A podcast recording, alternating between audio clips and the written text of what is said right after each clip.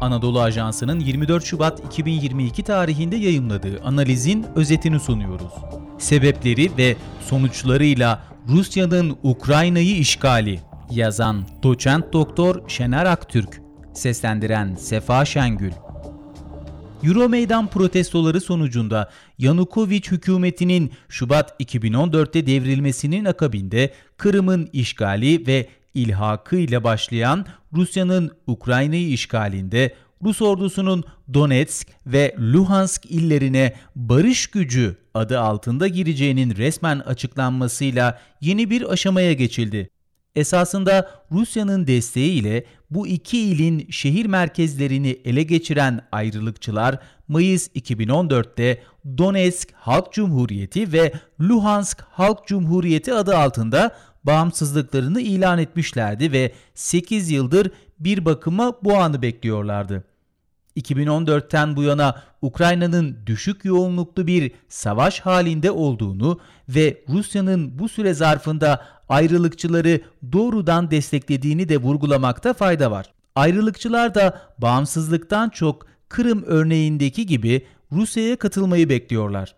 Şubat 2022'de gerçekleşense Rusya'nın Donetsk ve Luhansk'a askeri müdahalesini resmen kabul etmesi ve işgali daha kapsamlı bir seviyeye taşıyarak Ukrayna'nın diğer illerini de işgal edebileceğini ima etmesidir. Jeopolitik sebep Ukrayna'nın Rusya'nın yörüngesinden çıkması. Rusya'nın Ukrayna'yı işgalinin uluslararası ilişkiler, Ukrayna iç siyaseti ve Rusya iç siyasetinden kaynaklanan birbirleriyle ilişkili ve birbirini tamamlayan sebepleri mevcut. Türk medyasının uluslararası ilişkiler boyutuna odaklandığını ve savaşın gerek Rusya gerekse Ukrayna iç siyaseti açısından sebepleri ve muhtemel sonuçlarından bir haber olduğunu söylemek mümkün. Uluslararası ilişkiler açısından savaşın sebeplerinden biri ve Rusya tarafından dile getirilen bir gerekçesi Ukrayna'nın potansiyel NATO üyeliği ve bunun sonucu olarak Ukrayna'ya NATO askerlerinin yerleşebilmesi ihtimalidir. Fakat bu sebebi çok dar anlamda Ukrayna'nın muhayyel NATO üyeliği olarak görmemek gerekir. Esasında Moskova hükümetinin talebi Ukrayna'nın Rusya'nın yörüngesinde kalması veya en azından Finlandiyalaştırma olarak bahsedildiği şekilde tarafsız bölge olacağının herhangi bir ittifaka katılmayacağının garantisidir.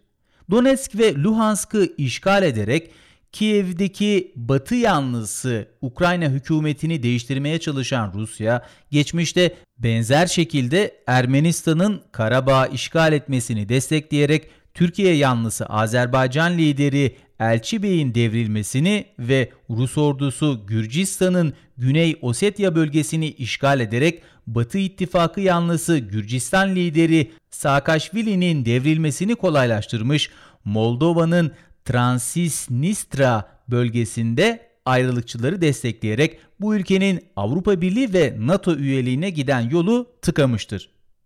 Donetsk ve Luhansk şantaj için 2014'ten bu yana rehin. Rusya'nın desteklediği ayrılıkçılar aracılığıyla Donetsk ve Luhansk'ı bir bakıma rehin alarak yaptığı şantaj, Kiev'deki Batı yanlısı hükümeti değiştirmek konusunda kısmen etkili oldu da denebilir. Meydan protestoları sonrasında iktidara gelen ve Batı Ukrayna illerinden güçlü destek alan eski Cumhurbaşkanı Poroshenko, 2019 Cumhurbaşkanlığı seçimlerini Rus azınlığın ve Rusça konuşanların yoğun olduğu Doğu Ukrayna dahil ülkenin genelinden oy alan Zelenski'ye karşı kaybetti. Cumhurbaşkanlığı döneminde Poroshenko'nun güçlü desteğiyle Ukrayna Ortodoks Kilisesi Fener Rum Patrikhanesi'nden otosefal statüsünü almayı başardı ve Moskova Patrikhanesi'nin yönetiminden çıktı. Bu olay Ortodoks aleminin son asırlarda yaşadığı siyasi boyutları bariz, en büyük kurumsal bölünme olarak adlandırılabilir. Beklentilerin aksine Zelenski hükümeti de Rusya'yı hoşnut etmedi. 2014'teki meydan protestolarına kadar neredeyse eşit şekilde Batı yanlısı ve Rusya yanlısı partiler arasında bölünmüş olan Ukrayna nüfusu Rusya'nın Kırım'ı işgali ve Donetsk ile Luhansk'taki ayrılıkçı isyanla daha çok Batı taraftarı ve Rus karşıtı milliyetçi bir pozisyona evrildi. Türkiye için Ukrayna doğal müttefik, Karadeniz sahilleri kritik. Son olarak kısaca Türkiye açısından Rusya-Ukrayna savaşının önemine değinecek olursak dört unsur ön plana çıkıyor. Birincisi Rusya gibi büyük bir gücün doğrudan sınır komşusu olması herhangi bir ülke için büyük bir potansiyel tehdittir. Doğrudan sınır komşusu oldukları yaklaşık 3 asırlık sürede Osmanlı Devleti ve Türkiye Cumhuriyeti için birincil askeri tehdit Rusya ve Sovyetler Birliği'nden gelmiştir. Dolayısıyla Gürcistan ve Ukrayna gibi Türkiye ile Rusya arasında tampon görevi gören ülkelerin varlığı ve toprak bütünlüğü Türkiye için hayati önemlidir ve Ukrayna bu açıdan Türkiye'nin doğal müttefikidir.